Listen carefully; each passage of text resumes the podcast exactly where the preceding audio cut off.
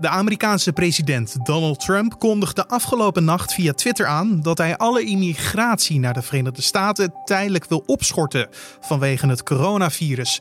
Een wijs besluit om verdere verspreiding tegen te gaan of zit er een addertje onder het gras? Hij zegt: Ik laat zo uh, ga ik het land beschermen. Dus het is ook iets wat bij zijn achterban, die hij keihard nodig heeft in november, dat hij laat zien: kijk, weet je, Weet je nog waarom je op mij stemde? Dit zijn de maatregelen waar jullie van houden. Ik neem er weer een. Dat was Amerika-deskundige Diederik Brink. Met hem gaan we straks verder praten over dit plan van Trump en hoe de Amerikanen kijken naar alle maatregelen. Maar eerst kijken we kort naar het belangrijkste nieuws van nu. Mijn naam is Carne van der Brink. Het is vandaag dinsdag 21 april en dit is de Dit wordt het nieuws middagpodcast. Het Rijksinstituut voor Volksgezondheid en Milieu heeft 118 nieuwe ziekenhuisopnames gemeld in hun dagelijkse corona-update. Dat zijn er minder dan vorige week toen het om 210 ziekenhuisopnames ging. Het RIVM meldt daarnaast dat er sinds zondag 165 sterfgevallen zijn doorgegeven. En vorige week ging het om 122 mensen. Het totale dodental stijgt hiermee naar 3916. En misschien vraag je af waarom zijn er nou meer meldingen van doden en nieuwe ziekenhuisopnames dan gisteren? Simpele reden omdat het RIVM dan nog veel informatie van zondag, zaterdag en vrijdag moet verwerken. De brand in Nationaal Park de Mijnweg in Limburg is dinsdagmiddag voor de tweede keer opgeleid. De veiligheidsregio spreekt van een zeer forse uitbreiding. Ook de grote brand in het Brabantse natuurgebied de Deurnse Pil is dinsdagmiddag nog altijd niet onder controle. Volgens een politiewoordvoerder is de sterke wind op dit moment de belangrijkste vijand. Bovendien is het gebied erg ontoegankelijk. Zware, logge brandweerauto's rijden niet zomaar even de bos in, al dus de politiewoordvoerder. Brandweerlieden bestrijden het vuur daarom te voet. En de oorzaak van deze bosbranden is nog niet bekend. Mondkapjes tussen het oud papier en plastic of rubberen handschoenen in het riool. Afvalverwerkers vinden sinds de coronacrisis steeds vaker gebruikte beschermingsproducten in afvalstromen waar ze niet horen. Dit al dus de vereniging Afvalbedrijven. De brancheorganisatie krijgt signalen van medewerkers die zich onveilig voelen op het werk. Ze zijn namelijk bang om via de beschermingsproducten het coronavirus op te lopen. Naast dat het voor onrust zorgt onder werknemers in de branche, horen mondkapjes en handschoenen niet thuis tussen het oud papier of in het riool. Dat benadrukt de organisatie. Dit soort medische producten mogen alleen bij het restafval. Scholen zijn huiverig voor het gebruik van videobeldienst Zoom. Dat blijkt uit een rondgang van nu.nl langs bijna duizend Nederlandse basis- en middelbare scholen. Een derde van de ondervraagde scholen verbiedt docenten om videobeldienst Zoom te gebruiken. De afgelopen weken zijn meerdere beveiligingskwesties rond Zoom aan het licht gekomen. Sinds veel mensen vanwege het coronavirus thuis zitten, won de app namelijk in korte tijd aan populariteit. In onder meer de Verenigde Staten is het gebruik van Zoom door meerdere schoolorganisaties verboden. En de podcast van vandaag staat in het teken van een plan van de Amerikaanse president Donald Trump. Hij wil namelijk alle immigratie naar de Verenigde Staten tijdelijk opschorten. Om precies te zijn, op Twitter schreef hij: In het licht van de aanval van de onzichtbare vijand en de noodzaak om de banen van onze geweldige Amerikaanse staatsburgers te beschermen, zal ik een decreet ondertekenen om immigratie naar de Verenigde Staten tijdelijk op te schorten. Waarom wil de president deze stap nemen? Ik vraag het aan Amerika-deskundige Diederik Brink. Nou, Trump wil dit doen om over te komen als een krachtdadige leider. Hij krijgt veel te kritiek te verduren over zijn optreden, met name in de cruciale eerste maanden van deze coronacrisis. Hem wordt verweten door critici dat hij met de regering te laat heeft gereageerd. En dat cruciale tijd verloren is gegaan, waarin de Verenigde Staten zich hadden moeten voorbereiden op de coronacrisis en alles wat daaromheen met gezondheidszorg, voorbereidingen, beschermingsmiddelen, noem maar op, allemaal uh, klaar had moeten staan. Nou, en om te laten zien dat hij toch krachtig kan leiden, is hij eigenlijk bezig met ook met die dagelijkse persconferenties, met een soort van PR-offensief. en in dat PR-offensief heeft hij nu ook voorgesteld om de grenzen te sluiten, om zo te laten zien, kijk, ik neem duidelijke besluiten om Amerika en de Amerikaanse werknemers, om te zorgen dat, hè, dat, dat eventueel nieuwkomers ze niet van op de arbeidsmarkt uh, concurreren, om te zorgen dat ik de Amerikanen en de Amerikaanse werknemers bescherm. Maar er was natuurlijk al een vliegverbod vanuit verschillende landen naar Amerika toe.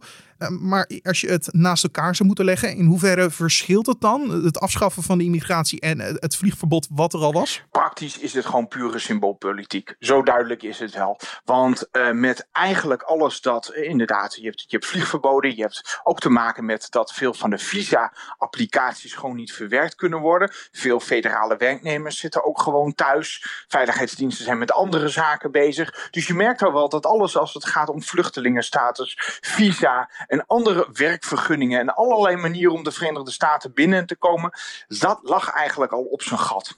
Dus om te zeggen dat je dan vervolgens je handtekening zet onder een executive order om de grenzen te sluiten, is eigenlijk gewoon pure uh, symboolpolitiek om te laten zien dat je daadkrachtig optreedt. In de praktijk kwam al kwamen al heel weinig mensen het land binnen. Je zou kunnen zeggen spierballentaal of, uh, zoals jij zei, uh, symboolpolitiek dus. Ja, precies. Maar ook om je, om je beeld te, op te vijzelen. Hij heeft natuurlijk wel... Uh, een meerderheid van de Amerikanen vindt dat president Trump deze crisis verkeerd heeft aangepakt. Dat hij te laat heeft gereageerd. En dat zijn regering tekortschiet als het gaat om beschermende middelen, om testen, om een duidelijke, heldere communicatie. Nou ja, dat wordt hem wel verweten. Dus hij wil nu laten zien dat hij als alsnog in staat is om daadkrachtig en sterk over te komen. Ja, want een anonieme bron zei tegen NBC Nieuws dat de, deze aanpassing al langer werd overwogen. Zou Trump dan deze coronasituatie gebruiken eh, voor een oud plannetje nog een keer eh, nieuw leven in te blazen? Nou ja, hij heeft eerder natuurlijk al maatregelen genomen om uh, uh, mensen vanuit hoofdzakelijk moslimlanden uh, de toegang tot de Verenigde Staten moeilijker of onmogelijk te maken. Ja, dat was in 2017, uh, hè? Ja. Precies, vlak na zijn aantreden. dat soort zaken, hoewel ze in de gerechtshoven worden aangevochten, uh, doen het heel erg goed bij zijn achterban. Het laat zien van ik hou Amerika voor de Amerikanen. Daarmee bescherm ik de werknemers, daarmee zorg ik dat illegalen niet binnenkomen en ik zorg er gewoon voor dat ik al die buitenlanders die je banen inpikken of die het onveilig maken. Hij drukt ook heel erg op het feit van veel van die mensen zijn uh, criminelen die hier binnenkomen. Nou, hij zegt ik laat zo uh, ga ik het land beschermen. Dus het is ook iets wat bij zijn achterban, die die keihard nodig heeft in november, dat hij laat zien: kijk, weet je, Weet je nog waarom je op mij stemde? Dit zijn de maatregelen waar jullie van houden. Ik neem er weer een. Ja, november, dat doe je op de verkiezingen. En hij refereert natuurlijk naar zijn, nou, eh, zijn tagline America First. Maar je zou kunnen zeggen dat je misschien nu niet bezig moet zijn met het gevaar van buitenaf. Want uh, Amerika is nog steeds het epicentrum. Dus zou je eigenlijk moeten focussen op wat er in je land zelf gebeurt. Precies. En um, uh, niet alleen is het daar een heftige politieke strijd aan de gaan, gaande. Terwijl eigenlijk nu de wetenschappers, de deskundigen, de artsen, de, de zorgprofessionals eigenlijk voorop moeten staan in het geven van objectieve uh, feitelijke informatie. Zie je dat het hele debat hierover gepolitiseerd is. Met name door het ingrijpen van Trump zelf. Uh, is het debat eigenlijk iets geweest: vertrouw je de overheid, vertrouw je de overheid niet? Zijn het de staten of is het de federale overheid die moet handelen? En zijn zijn het de Democraten die hem valselijk beschuldigen? Of is Trump nou degene die hier een potje van heeft gemaakt? Alles wordt weer in het politieke debat en daarmee ook de politieke verdeeldheid van Amerika ernaartoe getrokken. Ja, want hij legt dit dus uit als een middel om het virus verder in te dammen. Over alle maatregelen en lockdowns lopen de gemoederen uh, nu wel in Amerika op. Want er zijn Amerikanen die zich aan het verzetten zijn, toch? Dat klopt. Het zijn hele kleine groepen. Ik weet dat in de media het wordt geportretteerd alsof er heel veel protesten zijn. Maar in een aantal staten zijn kleine groepjes Amerikanen uh, bezig om een protest tegen de gouverneur neer te zetten. Om daarmee te laten zien van hé, hey, we willen dat we weer aan het werk kunnen. We willen dat de maatregelen worden opgeheven. Ze zijn een inperking van onze vrijheid. Waarom valt dit op? Omdat het natuurlijk die mensen door die acties een persoonlijk risico nemen en ook anderen daarmee eh, in gevaar brengen vanwege het verspreiden van de ziekte. Maar ook omdat veel van die mensen bewapend zijn. En dat geeft een extra dimensie aan dit protest. Ja, en ook misschien omdat Trump het voor ze op heeft genomen hè? Uh, via Twitter en andere kanalen dat is een volstrekt unieke situatie. Aan de ene kant heb je natuurlijk, hè, laten we voorop zijn, de gouverneurs zijn met name nu aan zet als het gaat om het beleid per staat. Dat is al een beetje vreemd, want normaliter zou er een veel grotere regie zijn voor de federale overheid. Maar wat er gebeurt nu is, is dat de regering Trump een aantal lijnen uitzet. Beleidslijnen als het gaat om, om social distancing en allerlei maatregelen die je kunt nemen om die, die curve naar beneden te brengen.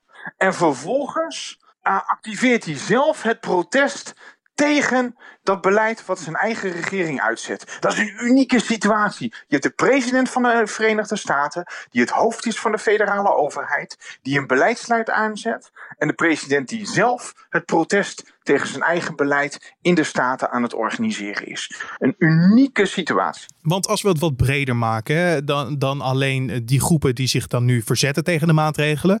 Het Amerikaanse volk, hebben zij grote problemen met, met de lockdowns en de maatregelen die nu genomen zijn?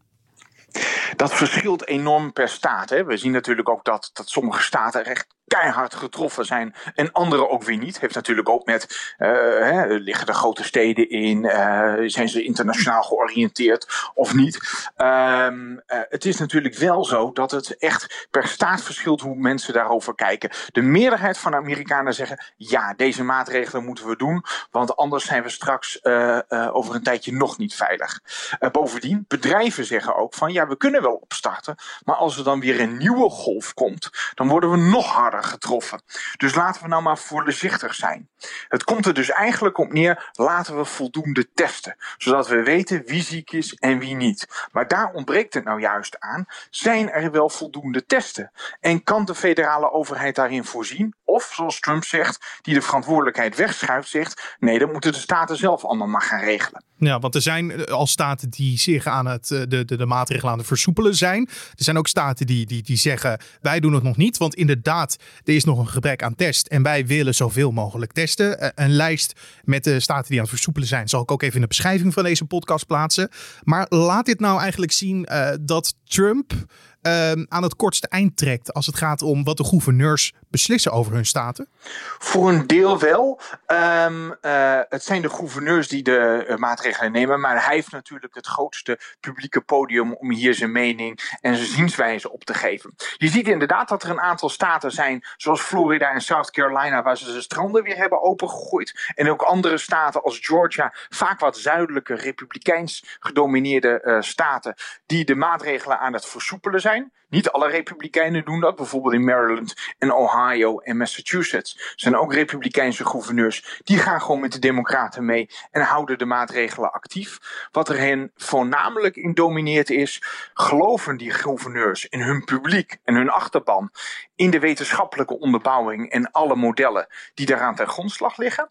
En het heeft er ook te maken met hoe zet je bepaalde politieke dingen neer. Mensen zeggen, nou ja, het is een essentiële vrijheid dat mensen wel een beetje kunnen uitwaaien op het strand. Ook goed voor de economie. Is bijvoorbeeld een wapenwinkel, valt dat onder de essentiële diensten die overeind moeten blijven. Hetzelfde geldt voor een abortuskliniek. En daarmee zie je wel dat zelfs in deze crisis, als het gaat om zoveel slachtoffers en zoveel aspecten van veiligheid, het politieke debat nooit ver weg is. Dat was Amerika-deskundige Diederik Brink. En volgens Amerikaanse bronnen kan de president op zijn vroegst deze week zijn handtekening onder het decreet zetten. Dus het wordt nog vervolgd. En dan nog even het weer. Vanavond en vannacht is het helder. De temperatuur daalt naar een graad of 8 en de wind waait nog stevig. Pas morgen in de loop van de dag neemt de wind in kracht af. Met iets minder wind wordt het dan morgenmiddag maximaal 22 graden. En om af te sluiten, je mag je lederhozen weer in de kast hangen. Want het jaarlijkse bierfeest, het Oktoberfest in de Duitse deelstaat Bayern, zal dit jaar door de coronacrisis niet doorgaan. Minister-president van Bayern, Marcus Söder, vindt het risico te groot. Voldoende afstand houden en het dragen van mondkapjes is op het fest gewoon niet mogelijk, aldus Söder. Ook aan verwante volksfeesten zullen dit jaar niet in de Duitse deelstaat plaatsvinden. En eerder liet Söder al weten organisaties van alternatieve kleinere Oktoberfesten geen toestemming te geven. Het Oktoberfest in Bayern zou dit jaar tussen 19 september en 14 oktober plaatsvinden. Dit was dan de Dit wordt het nieuws podcast voor deze dinsdagmiddag 21 april. Je kan deze podcast op de voorpagina van nu.nl vinden en in je favoriete podcast app zoals Spotify of Apple Podcast. In Apple Podcast kan je ook gelijk een recensie achterlaten. Doe dat vooral, want zo help je ons verder te vinden voor anderen. En je kan een uh, feedbackmailtje sturen naar podcast.nu.nl. Mijn naam is Carne van der Brink. Ik wens je nog een hele mooie dag, mooie avond en ook gelijk een mooie nacht. En wij zijn er morgenochtend weer. Dus tot dan.